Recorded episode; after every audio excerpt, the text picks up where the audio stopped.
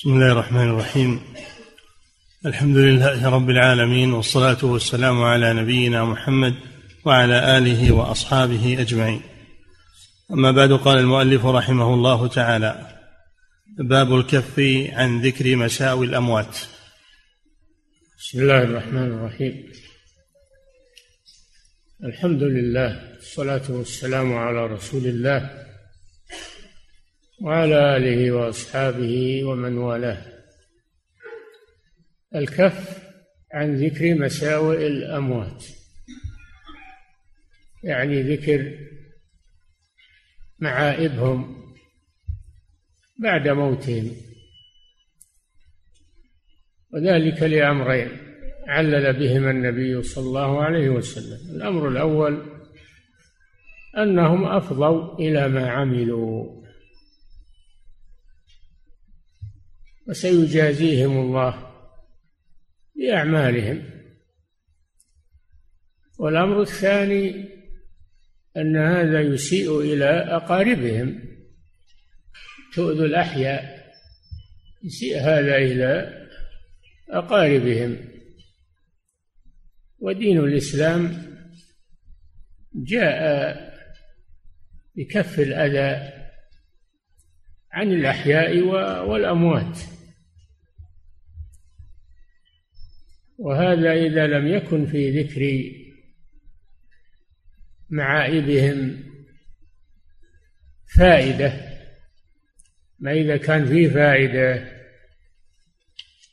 كأن يكونوا أصحاب بدعة ويخشى أن يقتدى بهم فإنه ينبه على ذلك. لا من باب سبهم وإنما من باب النصيحة للمسلمين. يعني يذكر ما عندهم من البدع والمخالفات حتى لا يقتدى بهم في ذلك. نعم. باب الكف عن ذكر مساوي الأموات. عن عائشة رضي الله عنها قالت قال رسول الله صلى الله عليه وسلم لا تسبوا الأموات فإنهم قد أفضوا إلى ما قدموا رواه أحمد والبخاري والنسائي. نعم أفضوا إلى دار الجزاء عند الله جل وعلا.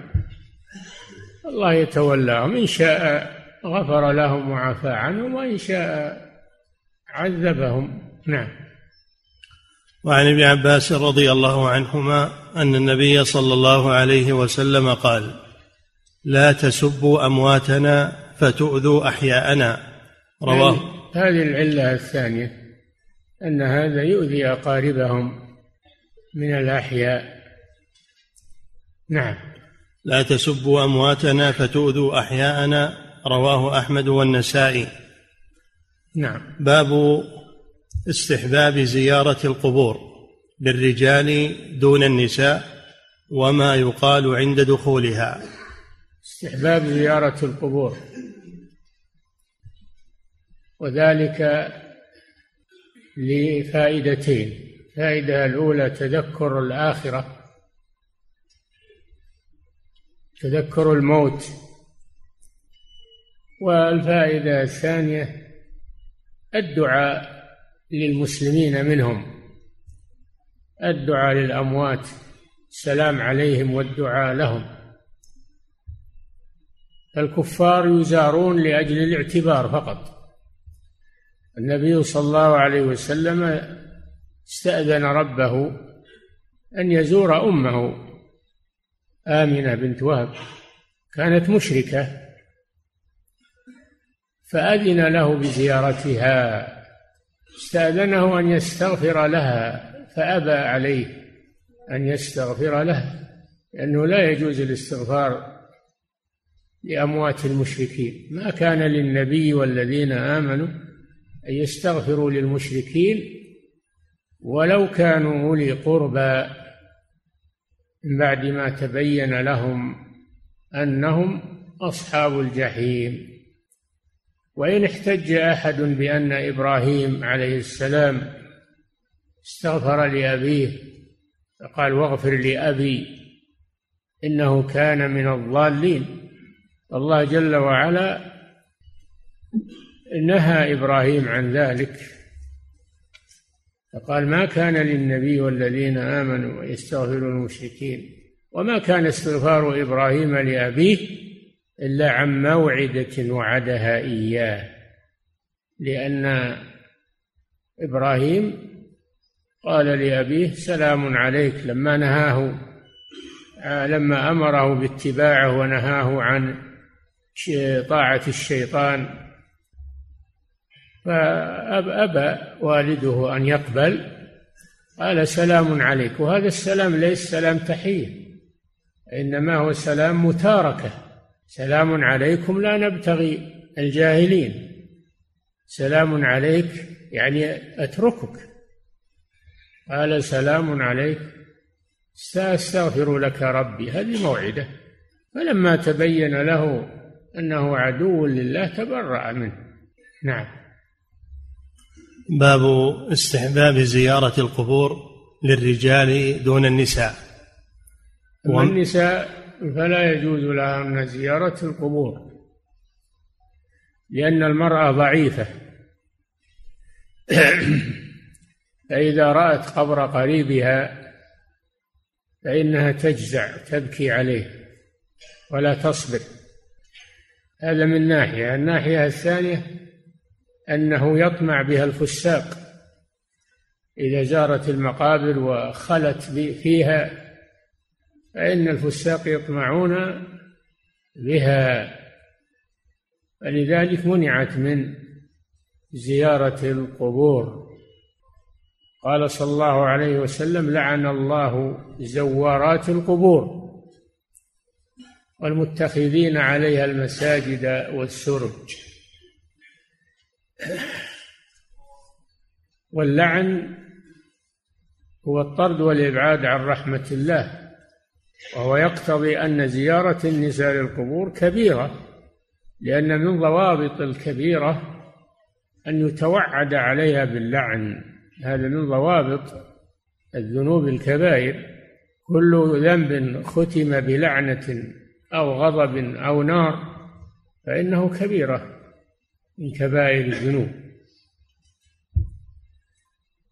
فزيارة النساء للقبور كبيرة. وأما قول أم عطية رضي الله عنها نهينا عن زيارة القبور ولم يعزم علينا.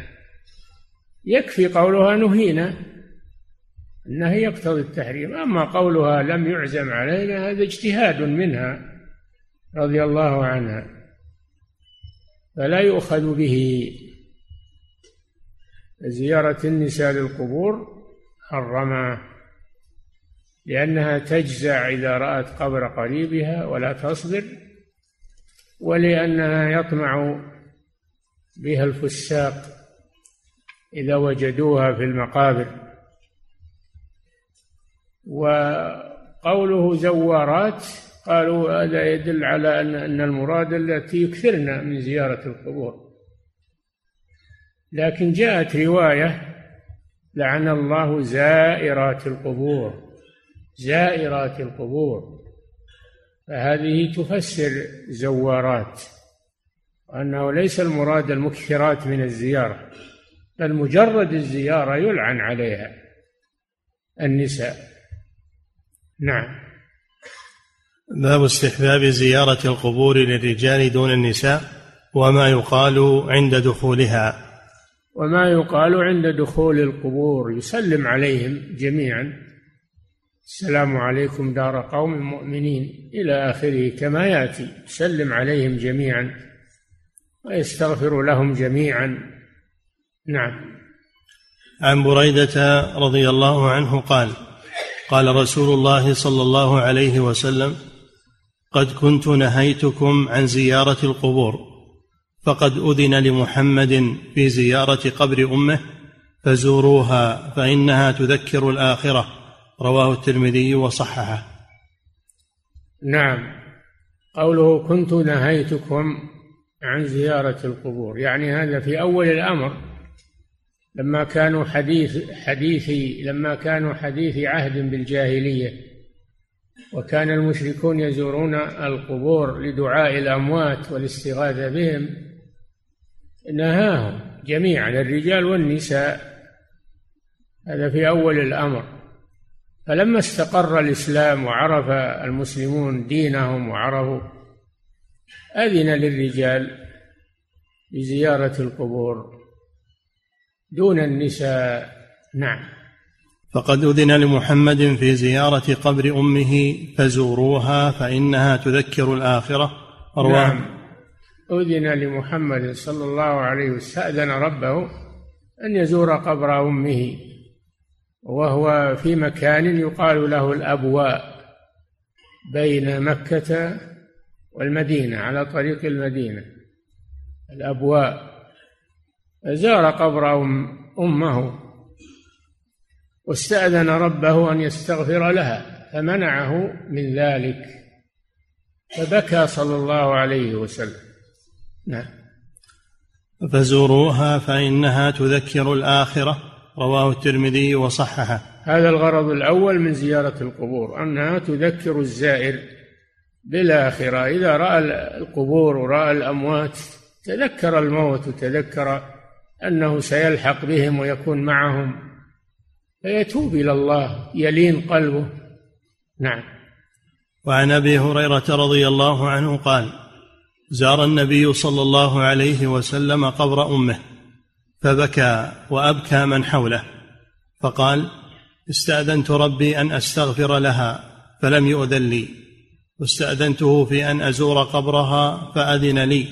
فزوروا القبور فإنها تذكر الموت. رواه الجماعة. نعم هذا الغرض الأول من زيارة القبور أنها تذكر الموت. إذا رأيت الموتى والقبور تعلم أنك لاحق بهم عما قريب فتتوب إلى الله عز وجل. تتذكر الموت. نعم. وعن أبي هريرة رضي الله عنه أن رسول الله صلى الله عليه وسلم لعن زوارات القبور رواه أحمد وابن ماجه والترمذي وصححه. نعم هذا فيه ما استثناه المصنف في الترجمة دون النساء لأن النبي صلى الله عليه وسلم لعن زوارات القبور دل على أن النساء لا تزور القبور وأن زيارتهن للقبور كبيرة من كبائر الذنوب. وإن قيل إن النبي صلى الله عليه وسلم لعن الزوارات يعني كثيرات الزيارة نقول جاءت رواية لعن زائرات القبور زائرات بدون مبالغة. نعم. وعن عبد الله ابن أبي مليكة أن عائشة رضي الله عنها أقبلت ذات يوم من المقابر فقلت لها يا أم المؤمنين من أين أقبلت؟ فقالت من قبر أخي عبد الرحمن. فقلت لها أليس كان نهى رسول الله صلى الله عليه وسلم عن زيارة القبور؟ قالت نعم كان نهى عن زيارة القبور ثم أمر بزيارتها. رواه الأثرم في سننه. يعني أمر بزيارتها عموما زوروا القبور. كنت نهيتكم عن زيارة القبور فزوروها هذا يدخل فيه النساء. لكن جاءت جاء في الحديث الثاني لعن الله زوارات أو زائرات القبور وهذا يخصص النهي بالرجال. نعم. الرجال دون النساء. نعم. وعن أبي هريرة رضي الله عنه أن النبي صلى الله عليه وسلم أتى المقبرة فقال السلام عليكم دار. هذا بيان ما يقال عند زيارة القبور. نعم. وعن أبي هريرة رضي الله عنه أن النبي صلى الله عليه وسلم أتى يعني المقبرة. يعني سواء زارها أو مر بها سواء زارها أو مر بها في طريقه فإنه يسلم عليهم. نعم. أن النبي صلى الله عليه وسلم أتى المقبرة فقال السلام عليكم دار قوم مؤمنين وإنا إن شاء الله بكم لاحقون. رواه أحمد ومسلم والنسائي. لماذا قال وإنا إن شاء الله إن شاء الله بكم؟ هذا استثناء. هذا استثناء.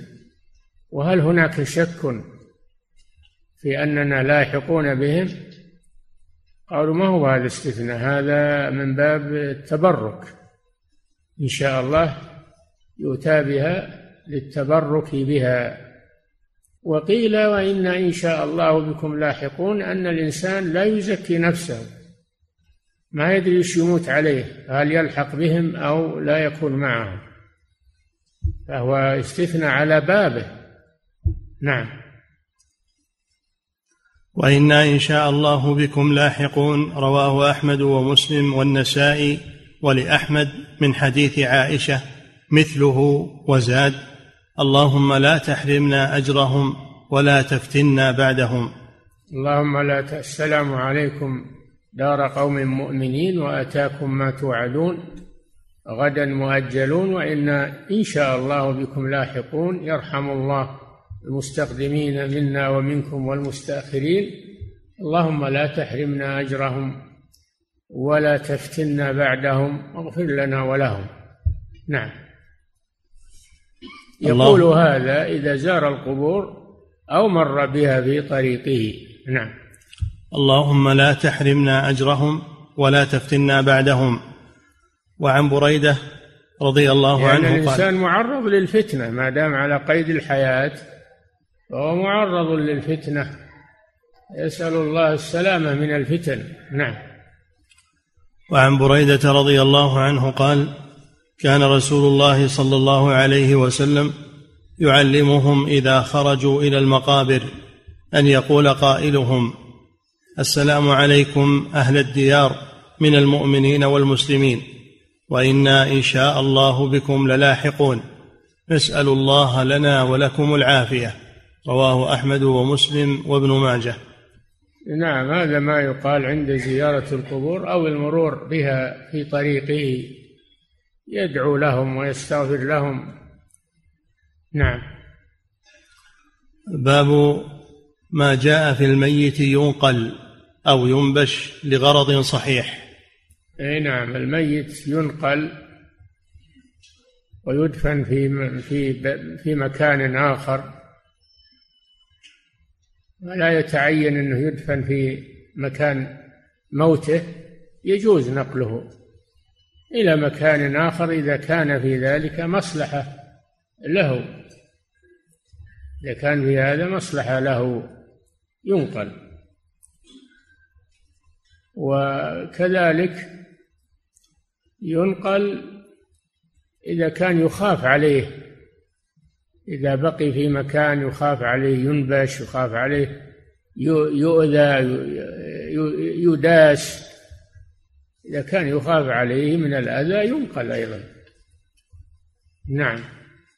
باب ما جاء في الميت ينقل أو ينبش لغرض صحيح. أو ينبش من قبره بعد دفنه. ينقل يعني قبل الدفن. أو ينبش بعد الدفن لغرض صحيح. لغرض صحيح. نعم. عن جابر كما, كما لو دفن كما لو دفن الميت قبل أن يغسل أو يكفن فإنه ينبش ويغسل ويكفن. وأما الصلاة فإنه يصلى على قبره. إذا فاتت الصلاة عليه قبل الدفن يصلى على قبره. نعم. باب ما جاء في الميت ينقل أو ينبش لغرض صحيح. لغرض صحيح. أما ما في ما دام ما فيه غرض صحيح فلا ينقش لأن هذا مسكنه فلا يخرج منه إلا إلا بحق. نعم. عن جابر رضي الله عنه قال أتى النبي صلى الله عليه وسلم عبد الله ابن أبي بعدما دفن. يعني فيه بعض البلدان في بعض البلدان يمشون الأموات يأخذون عظامهم ويبعدونها في مكان آخر لأجل أن يدفنوا في مكانهم يتبركون بالمقبرة مثل مقبرة المعلات. يمشون يأخذون عظام الأموات ولا يدروا أن يذهبون به ويدفنون يجعلون مكانها أموات آخرون مثل في مصر وفي غيرها. هذا لا يجوز لا يجوز هذا. من سكن في قبر فهو أحق به. نعم. باب ما جاء في الميت ينقل أو ينبش لغرض صحيح. لغرض صحيح. كأن يخاف عليه يخاف عليه من من الماء يتسرب إلى قبره يخاف عليه أنه ينبش يخاف عليه إذا كان هناك غرض صحيح فإنه ينقل من قبره. نعم. عن جابر رضي الله عنه قال أتى النبي صلى الله عليه وسلم عبد الله ابن أبي بعدما دفن فأخرجه فنفث فيه من ريقه وألبسه قميصه. وفي رواية أتى رسول الله صلى الله عليه وسلم عبد الله ابن أبي بعدما أدخل حفرته فأمر به فأخرج فوضعه على ركبتيه. فنفث فيه من ريقه وألبسه قميصه والله أعلم وكان كسى عباسا قميصا. قال سفيان فيرون أن النبي صلى الله عليه وسلم ألبس عبد الله قميصه مكافأة بما صنع. رواهما البخاري. عبد الله بن أبي رأس المنافقين. وكان يؤذي رسول الله صلى الله عليه وسلم ولكن الرسول حليم عليه الصلاة والسلام. حريص على أمته حريص على أمته. حتى المنافقين كان حريصا عليهم. يحسن صحابتهم يحسن صحابة أصحابه ولو كانوا منافقين. الله جل وعلا قال له استغفر لهم أو لا تستغفر لهم. أنت تستغفر يعني المنافقين. إن تستغفر لهم سبعين مرة فلن يغفر الله لهم. قال صلى الله عليه وسلم لو علمت أني إذا زدت على سبعين يغفر لهم لزدت. من حرصه صلى الله عليه وسلم على أمته. فكان حسن الصحبة حتى مع المنافقين. ومنهم عبد الله بن أبي. وكان عبد الله بن أبي له ولد صالح صحابي جليل اسمه عبد الله. ابن عبد الله كان رجلا صالحا ويحب الرسول صلى الله عليه وسلم. وأيضا فكان صلى الله عليه وسلم يراعي فيه ابنه أيضا. وأيضا كافأه على معروف حصل منه وهو أنه ألبس العباس يوم كان مع الأسرى في وقعة بدر. يوم كان مع الأسرى في وقعة بدر ألبسه قميصه. ابن أبي ألبس العباس عم الرسول صلى الله عليه وسلم قميصه. فأراد صلى الله عليه وسلم أن يكافئه على هذا. فألبسه لما مات ألبسه صلى الله عليه وسلم قميصه. ودفن فيه. دفن في قميص رسول الله. صلى الله عليه وسلم ونفث فيه من ريقه عليه الصلاة والسلام من حرصه على أمته عليه الصلاة والسلام. وحسن الصحبة لأصحابه أحياء وأمواتا نعم. وعن جابر رضي الله عنه قال أمر رسول الله صلى الله عليه وسلم بقتلى أحد أن يردوا إلى مصارعهم وكانوا نقلوا إلى المدينة. رواه الخمسة وصححه الترمذي. نعم الشهداء الذين استشهدوا في أحد وهم سبعون من الصحابة نقلوا إلى المدينة. نقلهم الصحابة إلى المدينة. كل نقل قريبه يدفنونهم في البقيع. النبي صلى الله عليه وسلم أمر بردهم إلى مصارعهم وأن يدفنوا في الأمكنة التي ماتوا فيها. فدفنوا في في أحد. دفنوا في أحد. دفنوا في أحد. آه، ومقبرة الشهداء في أحد معروفة. مقبرة الشهداء ومنهم حمزة بن عبد المطلب رضي الله عنه معروفة. يسمونها مقبرة الشهداء. تزار. كان النبي صلى الله عليه وسلم يزورهم ويسلم عليهم ويستغفر لهم. تزار مقبرة الشهداء في أحد. لمن زار البقيع فإنه يذهب إلى أحد ويزور الشهداء ويسلم عليهم ويدعو لهم. نعم. وعن جابر رضي الله عنه قال دفن مع أبي رجل فلم تطب نفسي حتى أخرجته فجعلته في قبر على حدة. رواه البخاري والنسائي. نعم عبد الله بن جابر. بن عبد الله. أبوه عبد الله بن حرام من أجلاء الصحابة وأكابر الصحابة رضي الله عنه. قتل في قتل في أحد استشهد في أحد. دفن معه رجل كان لا يرغب أن يدفن مع أبيه أحد فأخرج أباه ودفنه في قبر خاص. دل هذا على جواز نبش القبر لغرض صحيح كما ترجم المؤلف رحمه الله. ينبش القبر لغرض صحيح لأن جابرا نبش أباه ودفنه في قبر خاص به. نعم. ولمالك في الموطأ أنه سمع غير واحد يقول إن سعد بن أبي وقاص وسعيد بن زيد ماتا بالعقيق فحملا إلى المدينة ودفنا بها. نعم. العقيق وادي في المدينة وادي مشهور وادي العقيق.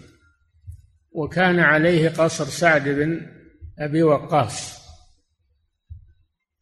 وكان يسكن فيه. فلما مات آه، نقلوه من العقيق إلى البقيع ودفنوه مع الصحابة. دل على جواز نقل الميت إلى مكان مناسب له. نعم. ولسعيد في سننه عن شريح بن عبيد الحضرمي أن رجالا قبروا صاحبا لهم لم يغسلوه ولم يجدوا له كفنا ثم لقوا معاذ بن جبل فأخبروه فأمرهم أن يخرجوه فأخرجوه من قبره ثم غسل وكفن وحنط ثم صلي عليه. هذا دليل على أن الميت ينبش من قبره لغرض صحيح مثل لو دفن وهو لم يصلى عليه ولم يكفن ولم يحنط. والحنوط هو الطيب الذي يجعل في أكفان الميت ويجعل في بدنه في بدن الميت هذا يسمونه الحنوط. و فإذا دفن الميت وهو لم يغسل ولم يكفن ولم يحنط فإنه ينبش ويتمم ما يشرع له. يتمم ما يشرع له قبل الدفن. هذا نبش لغرض صحيح. يجوز. بل قد يجب أحيانا. نعم. كتاب كتاب الزكاة. نعم. الزكاة هي الركن الثاني هي الركن الثالث من أركان الإسلام. هي الركن الثالث من أركان الإسلام. بعد الصلاة وهي قرينة الصلاة في كتاب الله. قرينة الصلاة أقيموا الصلاة وآتوا الزكاة. واركعوا مع الراكعين. وما أمروا إلا ليعبدوا الله مخلصين له الدين ويقيموا الصلاة ويؤتوا الزكاة. وذلك دين القيمة. فالزكاة قرينة الصلاة في كتاب الله عز وجل. الصلاة فرضت قبل الهجرة ليلة المعراج. صلاها النبي صلى الله عليه وسلم في مكة قبل الهجرة. وأما الزكاة فإنها فرضت في السنة الثانية بعد الهجرة إلى المدينة وهي قرينة الصلاة. فمن منعها جاحدا لوجوبها كفر. من من منعها جاحدا لوجوبها كفر والعياذ بالله. ومن منعها بخلا مع إقراره بوجوبها فإنه يلزم بدفعها يلزم بدفعها. فإن أبى فإنه يقاتل إذا كان معه شوكة. إذا كان معه شوكة يقاتل. إذا لم يكن معه شوكة فإنه يعزر حتى يخرج الزكاة. فإن أبى تؤخذ منه قهرا لأنها حق وجب عليه لغيره فيؤخذ منه قهرا. تدفع الزكاة. هذا إذا كان مقرا بوجوبها لكن منعها بخلا. قد قاتل قاتل أبو بكر الصديق رضي الله عنه مانع الزكاة بعد بعد وفاة الرسول صلى الله عليه وسلم.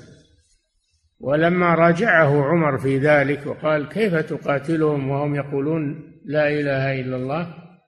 قال والله لأقاتلن من فرق بين الصلاة والزكاة.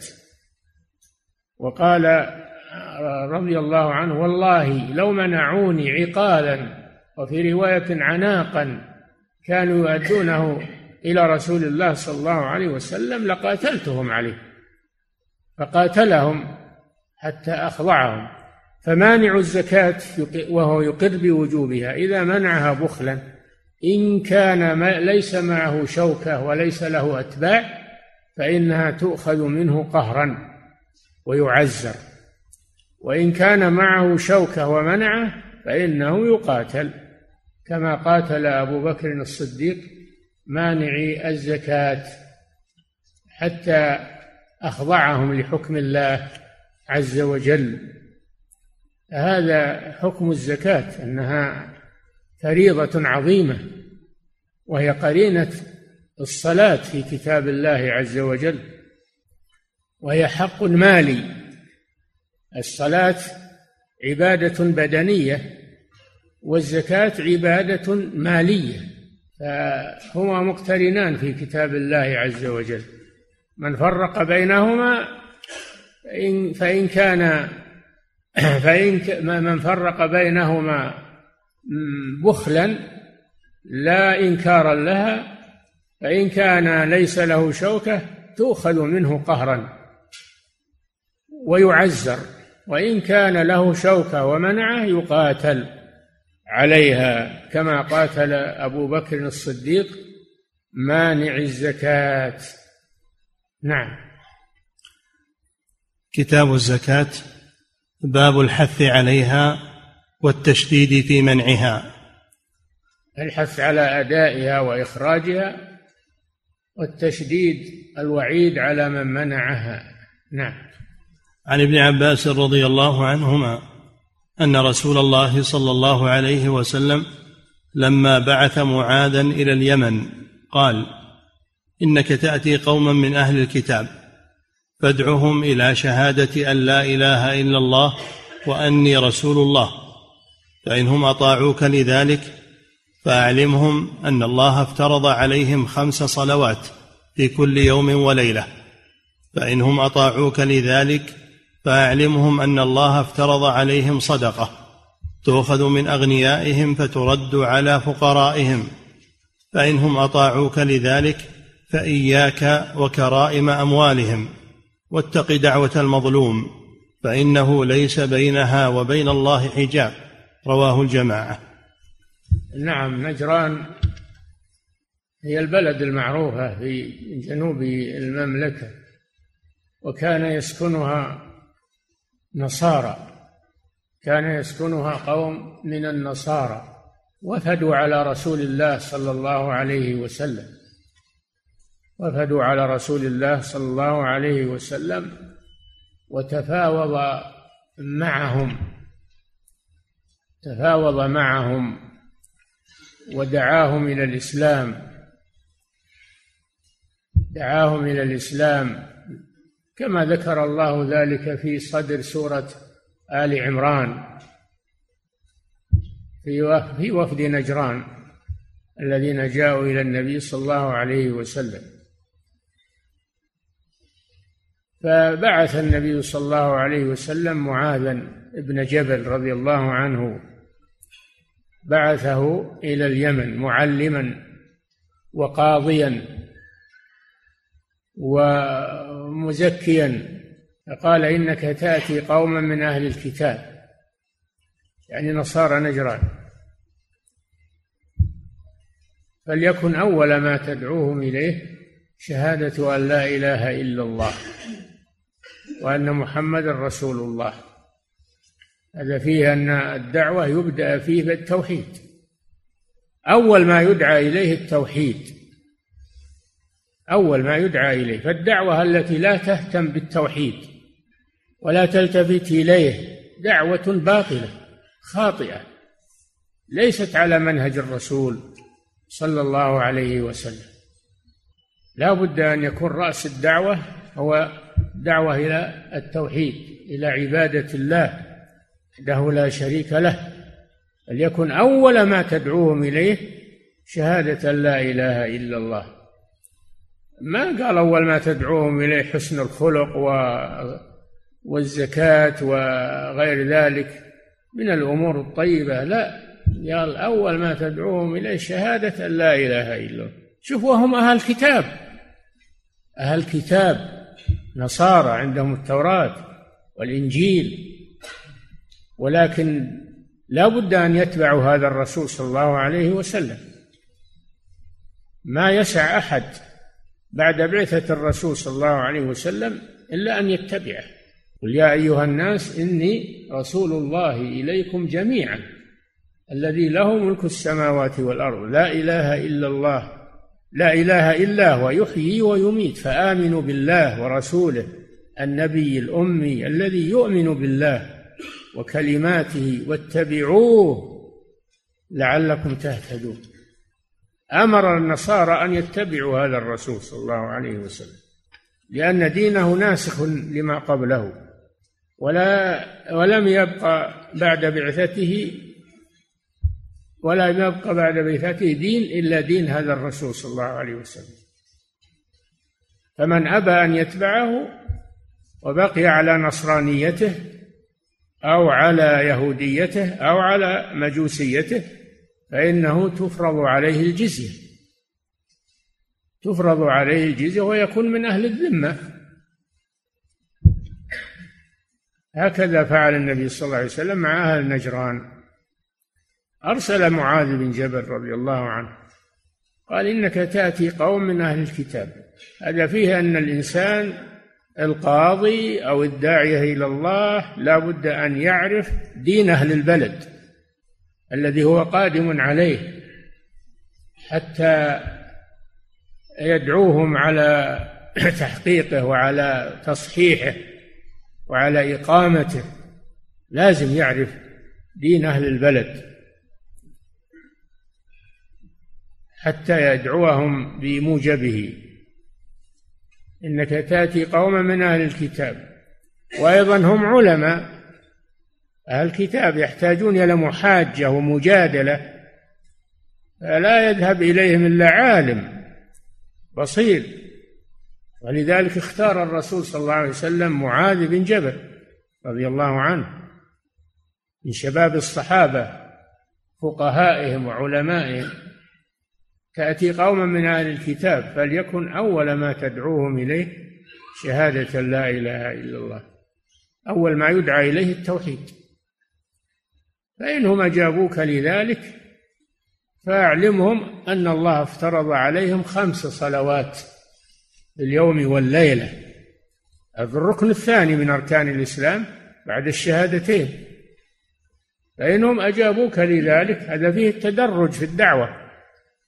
تدرج في الدعوة.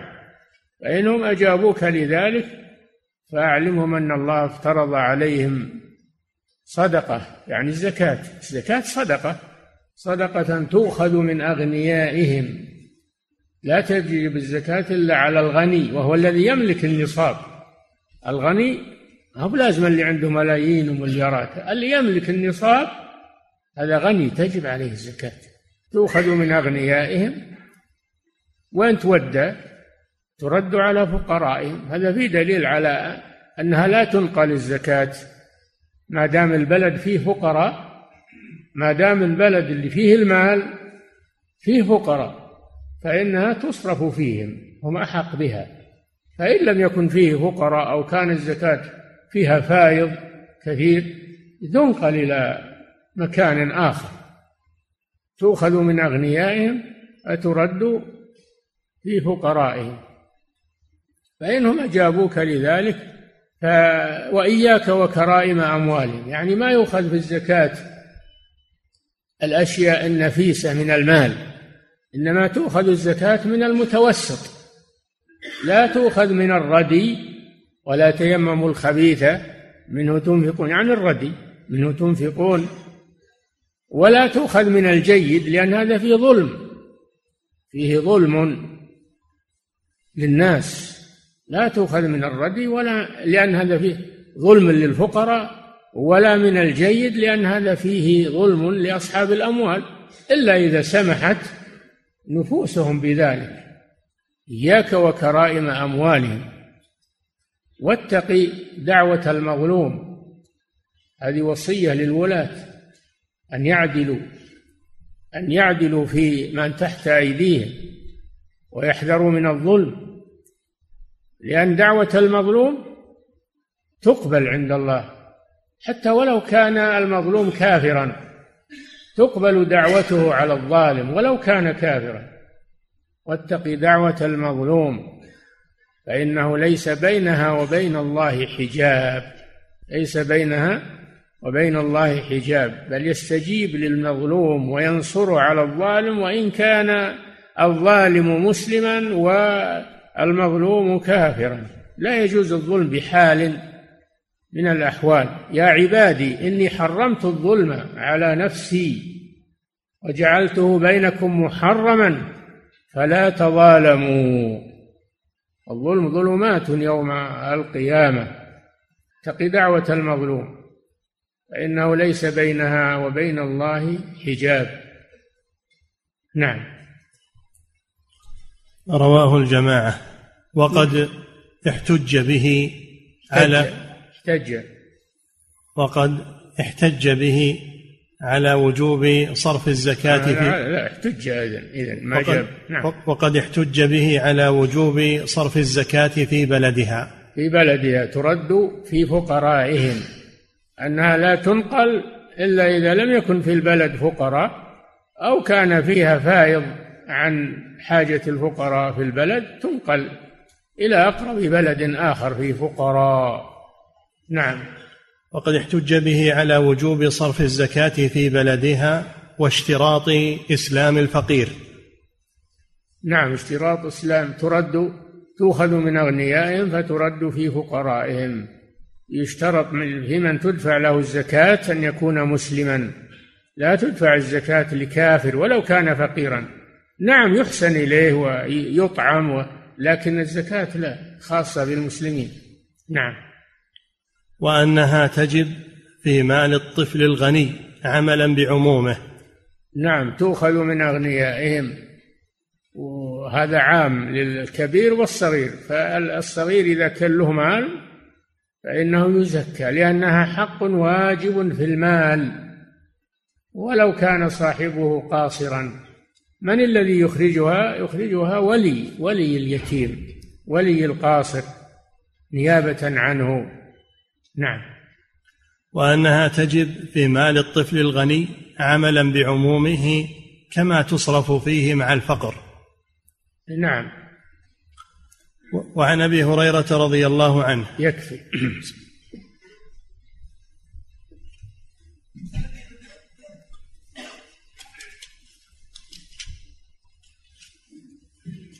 فضيلة الشيخ وفقكم الله. يقول السائل أحيانا يكون معي أهلي وزوجتي في السيارة فأريد أن أدخل المقبرة فهل يجوز لي ذلك وهم معي؟ علما بأن الذي سينزل عند القبر ويزور الميت هو أنا فقط. إي نعم خليهم بالسيارة تدخل المقبرة وهم ما يدخلون نعم. فضيلة الشيخ وفقكم الله يقول هل ذكر موت المشركين من اليهود والنصارى وغيرهم يدخل في النهي في ذكر مساوي الميت؟ كقولنا مثلا فلان في جهنم وبئس المصير.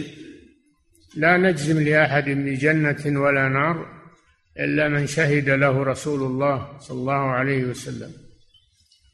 وأما غيرهم فنحن نرجو للمحسن ونخاف على المسيء. ولا نجزم لأن ما ندري ما ختم له به. نعم. فضيلة الشيخ وفقكم الله هل زيارة قبر رسول الله صلى الله عليه وسلم وصاحبيه تجوز للنساء خاصة؟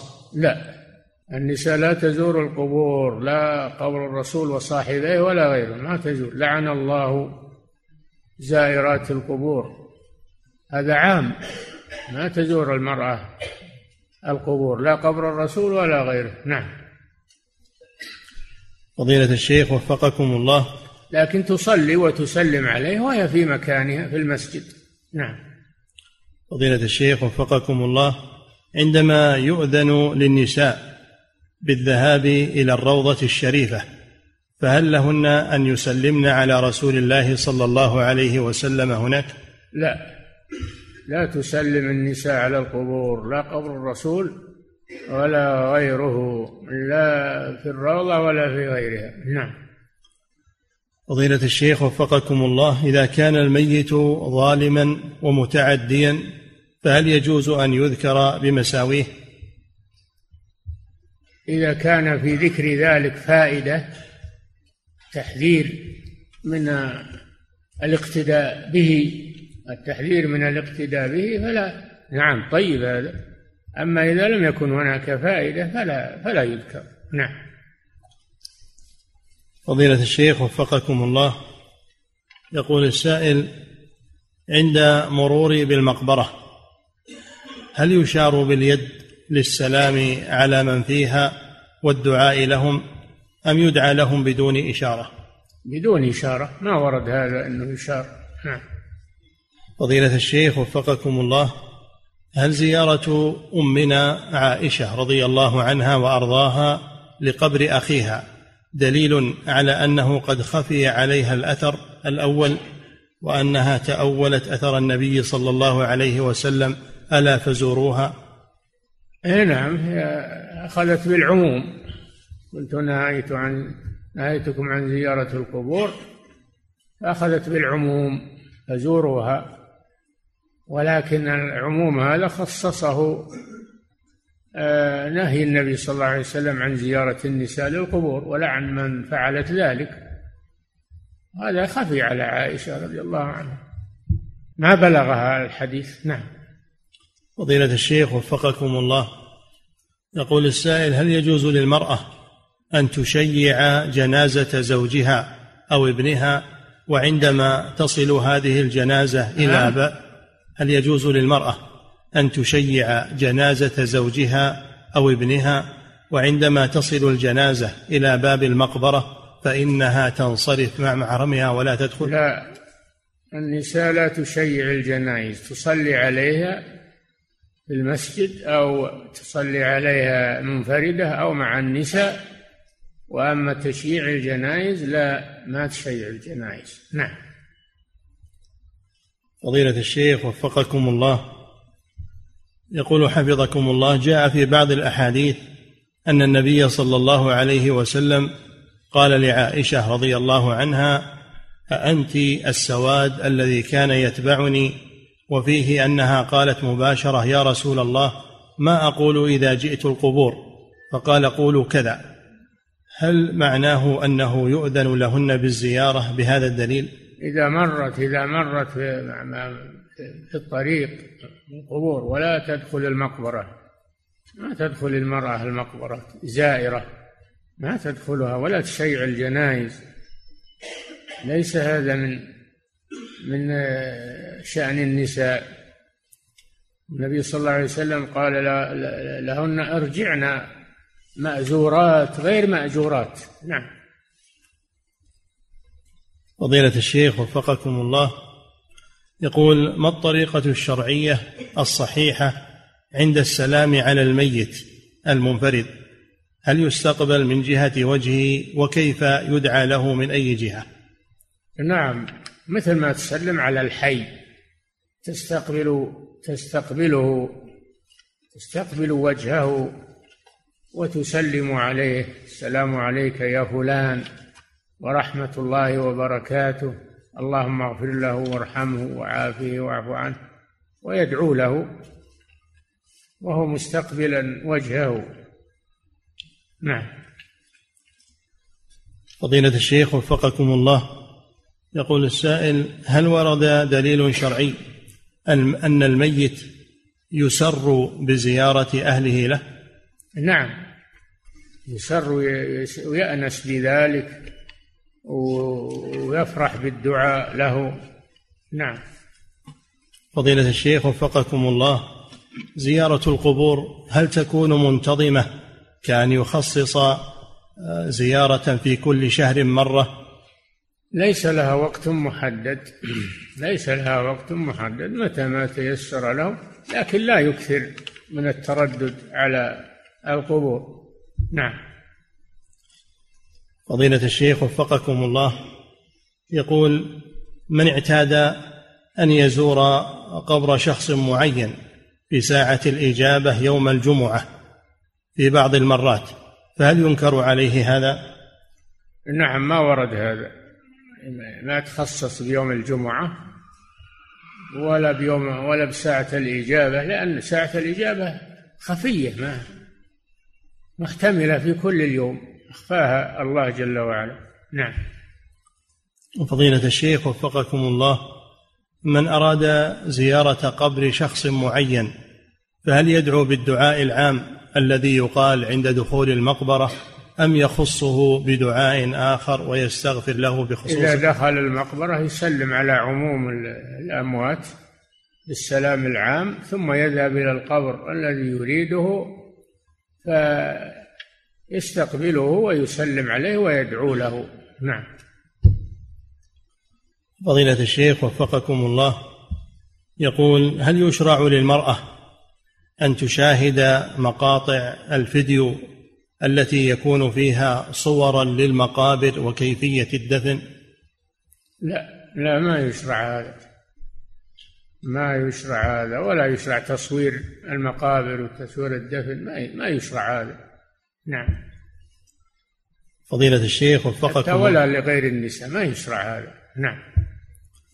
فضيلة الشيخ وفقكم الله يقول السائل هل يسن للمرأة التي ذهبت لزيارة مسجد رسول الله صلى الله عليه وسلم أن تخرج إلى سور مقبرة البقيع وتسلم على الأموات؟ لا المرأة لا تسلم على الأموات. تقصد ذلك وتذهب للبقيع ما هذا للرجال خاص نعم. فضيلة الشيخ وفقكم الله يقول السائل هل صحيح أنه إذا ذكر خطأ لأحد العلماء فإني لا أذكر اسمه علانيه وإنما فقط أذكر مخالفته لأن رسول الله صلى الله عليه وسلم لم يذكر أسماء المنافقين وإنما حذر من فعلهم؟ إذا كان ليس لذكره فائدة فلا يذكر ينبه على خطأه ولا يذكر. نعم. فضيلة الشيخ وفقكم الله هل نقل الميت من مكان إلى آخر يكون محصورا بمدة معينة أو هو نقل مطلق ولو بعد سنين؟ حسب الحاجة. حسب الحاجة نقل الميت من قبره حسب الحاجة. ولو بعد سنين. نعم. فضيلة الشيخ وفقكم الله. ولا تنقل القبور أو القبر الواحد ما ينقل إلا بفتوى من دار الإفتاء. ما ما كل ينقل القبور ويقدم على لا ما يتصرف في المقابر. إلا بإذن من دار الإفتاء الرسمية. نعم. فضيلة الشيخ وفقكم الله. يقول إذا ثبت أن ميتا لم يغسل ولم يكفن ولم يصلى عليه وقد مر على دفنه وقت طويل فهل ينبش قبره؟ نعم إذا كان إنه ما بعد تمزق جسمه ولا بعد تحلل جسمه نعم ينبش ويغسل ويكفن ويصلى عليه. أما إذا كان إنه تحلل جسمه فإنه لا ما يترك. نعم. فضيلة الشيخ وفقكم الله يقول أليس عبد الله بن أبي رأس المنافقين قد أظهر كفره بقوله لا تنفقوا على من عند رسول الله حتى ينفضوا؟ فلماذا كان يعامله رسول الله صلى الله عليه وسلم معاملة المسلمين مع أنه قد أظهر هذه الأفعال؟ هو يظهر الإسلام ويشهد أن لا إله إلا الله وأن محمدا رسول الله ويصلي. يصلي مع الناس يعامل بما يظهر منه. وأما ما في قلبه فلا يوكل إلى الله سبحانه وتعالى. نحن نحكم على الظاهر ما نحكم على ما في القلوب. حتى الرسول ما يحكم على ما في القلوب يحكم على الظاهر. نعم. فضيلة الشيخ وفقكم الله. يقول السائل هل ما ذكرتم حفظكم الله؟ من أنه يشرع الدعاء بدعاء المقبرة عند المرور بالمقابر أيضا من أنه نكون في الشارع مثلا ونمر في سيارتنا فندعو بذلك؟ إي نعم إي نعم. تمر تدعو بالدعاء إذا مررت بالمقابر سواء تمشي ولا براكب سيارة أو على بعير أو على دابة كله نعم كله سواء. فضيلة الشيخ وفقكم الله يقول السائل إذا كان القبر داخل أسوار المسجد لكنه خارج المصلى الذي تصلى فيه الفروض. فهل يصلى في هذا المسجد؟ إذا كان المسجد مبني بقصد القبر فلا يصلى فيه. إذا كان المسجد مبني علشان القبر فلا يصلى فيه ولو كان القبر خارجا عنه. نعم. فضيلة الشيخ وفقكم الله. يقول السائل كان عندنا مقبرة في وسط الطريق فقام بعض طلبة العلم بإخراج الموتى ونبش القبور ثم وضعوا كل مجموعة من عظام الموتى في مقبرة. ما يجوز لهم هذا ما يجوز التصرف هذا إلا بفتوى من دار الإفتاء وبإشراف لجنة شرعية. ما تنبش القبور بس كذا. نعم. فضيلة الشيخ وفقكم الله يقول هل يجوز دفن أموات المسلمين في في مقابر المشركين؟ لا ما يدفن المسلم مع مع في مقبرة الكفار ولا العكس ولا يدفن الكافر مع المسلمين نعم فضيلة الشيخ وفقكم الله يقول السائل هل ينكر على من أجاز زيارة القبور للنساء ويزعم أن معه أدلة أم أنه يترك على فعله. لا يبين خطأه يبين خطأه. قال تراك مخطئ هذا ما يجوز. يبين خطأه. إن قبل الحمد لله وما قبل. أقامت عليه الحجة. نعم.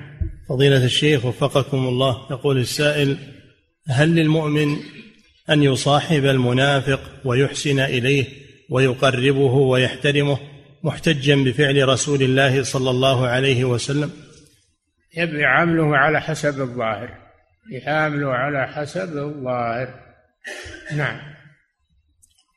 فضيلة الشيخ وفقكم الله يقول السائل هل من قوتل لعدم دفعه للزكاة؟ هل من قوتل لعدم دفعه للزكاة ثم مات؟ هل يحكم بإسلامه أم بكفره؟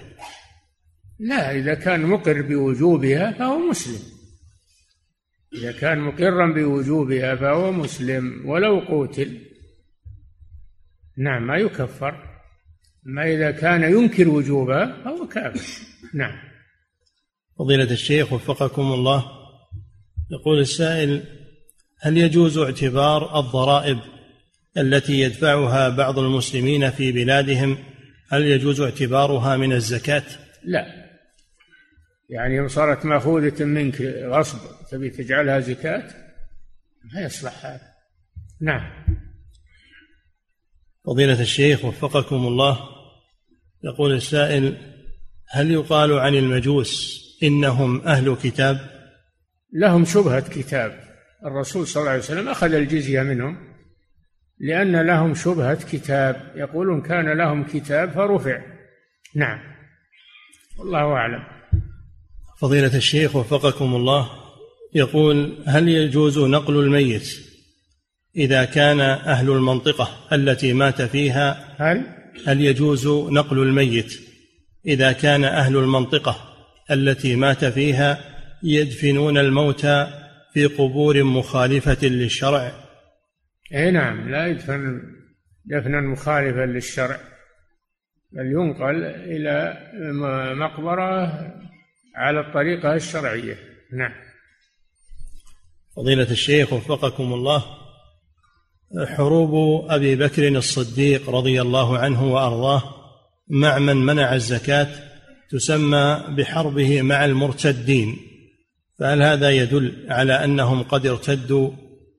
هو أبو بكر الصديق قاتل فريقين قاتل المرتدين وقاتل مانعي الزكاة. قاتل المرتدين وقاتل أيضا مانع الزكاة. نعم. فضيلة الشيخ وفقكم الله يقول إخراج الزكاة هل هو واجب على الفور أم يجوز له أن يؤخرها؟ لا واجب على الفور ولا يؤخرها إلا لعذر شرعي. إذا أخرها لعذر شرعي ما ما عنده شيء يدفعه وأخرها إلى أن يجد لا مانع.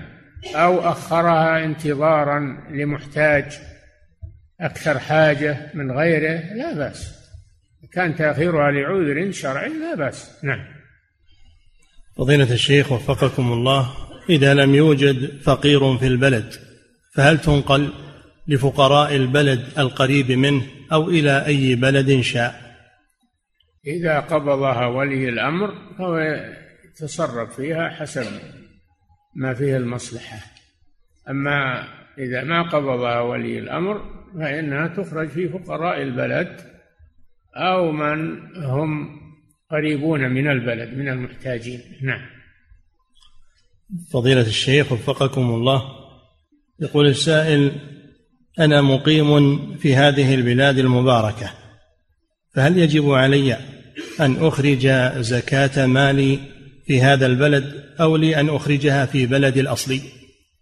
إذا كان بلدك الأصلي فيه محتاجون تعرفهم وهم أكثر حاجة من فقراء هذا البلد فأرسلها لهم. طيب نعم. فضيلة الشيخ وفقكم الله يقول السائل يقول خالتي طلبت مني أن أشتري لها كفنا وأن أغسل هذا الكفن بماء زمزم. فهل هذا العمل مشروع؟ هذا كانوا يفعلون في مكة إلى عهد قريب يشترون أقمشة ويغسلونها وينشرونها في المسجد الحرام في أرضية المسجد. ولكن الآن اختفت هذه الظاهرة وهذا لا أصل له. لا أصل له. نعم.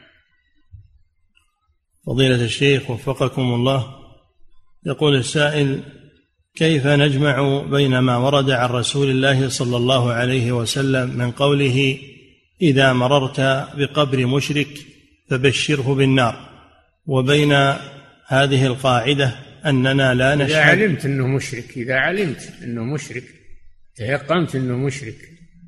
نعم. فضيلة الشيخ وفقكم الله يقول السائل ما حكم دفع الزكاة لأهل البدع إذا كانوا من أقاربي؟ البدع المكفرة لا تدفع لهم الزكاة. وأما البدع التي ليست مكفرة إذا كانوا فقراء وتألفهم فيها وتدعوهم إلى إلى ترك البدع هذا شيء طيب. نعم. فضيلة الشيخ وفقكم الله يقول السائل والدي عنده أرض قد عرضها للبيع منذ سنة ولم تبع إلى الآن وما زالت معروضة. سؤاله هل عليه زكاة فيها؟ نعم. قومها بما تساوي. إذا مر عليها سنة وهو ناويها للبيع يقومها بما تساوي ويزكيها. نعم. فضيلة الشيخ وفقكم الله يقول السائل إذا دفنت المرأة وكان عليها حلي وخواتم من ذهب فهل يجوز أن ينبش القبر لأجل أن تؤخذ هذه الأمور؟ نعم هذا لغرض صحيح وهي ما, ما له منفعة ولا حاجة بهذا الحلي ولا ب... آه نعم يجوز. نعم. فضيلة الشيخ وفقكم الله يقول إذا زرت الميت في المقبرة فهل أرفع يدي عند الدعاء له وأتجه إلى القبلة أم ماذا أصنع؟ إذا زرته تسلم عليه مواجها وجهه تواجه وجهه تسلم عليه وتدعو له وأنت مواجه وجه الميت. نعم. فضيلة الشيخ وفقكم الله يقول عند زيارتي لقبر شخص فهل يشرع أن أقرأ عنده سورة الفاتحة؟ لا. لا تقرأ لا يقرأ شيء من القرآن عند القبور. هذا بدعة. ما يقرأ في المقابر شيء من القرآن ولا عند القبور ولا عند المحتضر حتى. وأما حديث اقرأوا ياسين على موتاكم يعني المحتضرين هذا لم يثبت الحديث لم يثبت عن رسول الله صلى الله عليه وسلم. فلا يعمل به. نعم. فضيلة الشيخ وفقكم الله يقول هل يجوز لولي اليتيم أن يؤخر إخراج زكاة مال اليتيم الصغير حتى يكبر هو ويخرجها بنفسه؟ لا ما يجوز له هذا. يخرجها وليه كل سنة لأنها حق واجب في المال. نعم. فضيلة الشيخ وفقكم الله يقول السائل هل تكفير المسلم حق لكل أحد أم أنه لا بد من حكم الحاكم والقاضي بردة الشخص؟ المعين ما يجوز يحكم بردته إلا من عند المحكمة من عند القاضي من عند القاضي لأن حكم بردته يترتب عليه عزل زوجته عنه يترتب عليه آه، إنه لا يورث ماله ولا يرث من قريبه ولا يترتب عليه أحكام. لابد من حكم القاضي بردته. نعم. فضيلة الشيخ وفقكم الله يقول السائل ما نصيحتكم حفظكم الله لأولياء أمور الشباب وللشباب الصغار بخصوص تلك الجماعات والأفكار التي تحتوي على غلو وتكفير لبعض المسلمين. والله في خطر عظيم الآن يتهدد شباب المسلمين فعلى كل ولي أمر شباب من أولاده ومن تحت يده أنه يحذر كل الحذر من دخول هذه الأفكار عليهم يربيهم على الخير وعلى طلب العلم وعلى ان يعني تجنب جلساء السوء والنظر في هذه الآلات هذه الأجهزة التي تعرض هذه هذه الفتن. حذرهم منها ويخلي بيته منها ولا يخليها في أيديهم. هذا الجوال وهذا الأشياء اللي فيها هذه الأمور. نعم لأنه راع ومسؤول عن رعيته. نعم. فضيلة الشيخ وفقكم الله. يقول السائل تخصيص آخر جمعة من العام الهجري بخطبة يذكر يذكر فيها بالمحاسبة للنفس. ما يا ما هذا لا أصل له. هذا لا أصل له. آخر العام هذا اصطلاحي ما هو بآخر العام. كل يوم يمضي يتم عام بالنسبة لما قبله. فلا مسألة الهجرة هذه تراها أمر اصطلاحي ما هو بأمر عن الرسول صلى الله عليه وسلم. اصطلاحي لما كان عمر رضي الله عنه يأتيه رسائل ليس عليها تاريخ ولا يدري متى كتبت أمر بوضع التاريخ الهجري. أمر بوضع التاريخ الهجري. نعم لأجل مصلحة سياسة شرعية لكنها تعتبر أنها أنها لها أحكام خاصة وأنها في آخر العام النصيحة ومحاسبة النفس. حاسب نفسك كل يوم يا ما هو في آخر يوم من السنة الهجرية. حاسب نفسك كل يوم. نعم. فضيلة الشيخ وفقكم الله.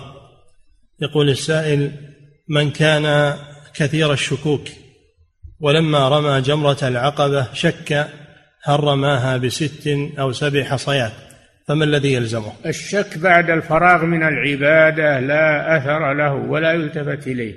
أما إذا شك في أثناء الفعل فهو يحتاط. وأما الشك بعد الفراغ لا ما يلتفت إليه لأن هذا من الوسواس. نعم. فضيلة الشيخ وفقكم الله هل يصح الرمي قبل الزوال في آخر يوم من أيام ما التشريق؟ ما يصح الرمي قبل الزوال في أيام التشريق. النبي صلى الله عليه وسلم هو وأصحابه كانوا ينتظرون إلى أن تزول الشمس ولم يرخص لأحد أن يرمي قبل الزوال. وقد قال صلى الله عليه وسلم خذوا عني مناسككم. نعم. فضيلة الشيخ وفقكم الله يقول السائل بعض الناس الذين يحجون بدون تصريح إذا وقفوا عند نقطة التفتيش لبسوا المخيط ثم إذا جاوزوا عادوا للإزار والرداء فهل يلزمهم فدية في لا هذا بلا شك يلزمهم فدية لكن على التخيير. يصوم ثلاثة أيام أو يطعم ستة مساكين أو يذبح شاة يخير فيها. نعم. فضيلة الشيخ وفقكم الله الذي مات أثناء قيامه بأداء مناسك الحج ولم ينتهي منها هل تبرأ؟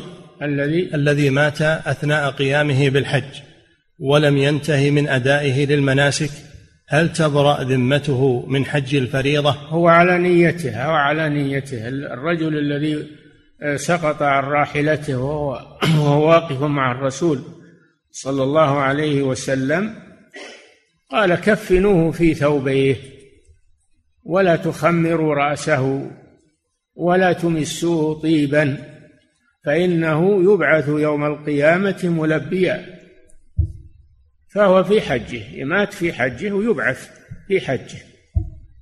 وأدى الفريضة والحمد لله. نعم. فضيلة الشيخ وفقكم الله يقول السائل يوجد في مسجدنا فرش زائد.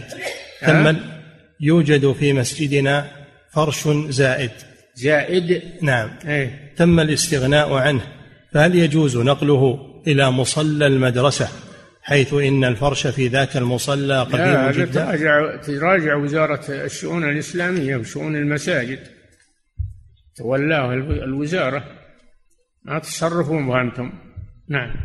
فضيلة الشيخ وفقكم الله رجل جامع أهله في رمضان في نهار رمضان قبل ثمانية عشر عاما ويقول إنه قد أفتي في تلك الأيام بصيام شهرين متتابعين ويقول حاولت ولم أستطع الصوم لأنه شاق علي.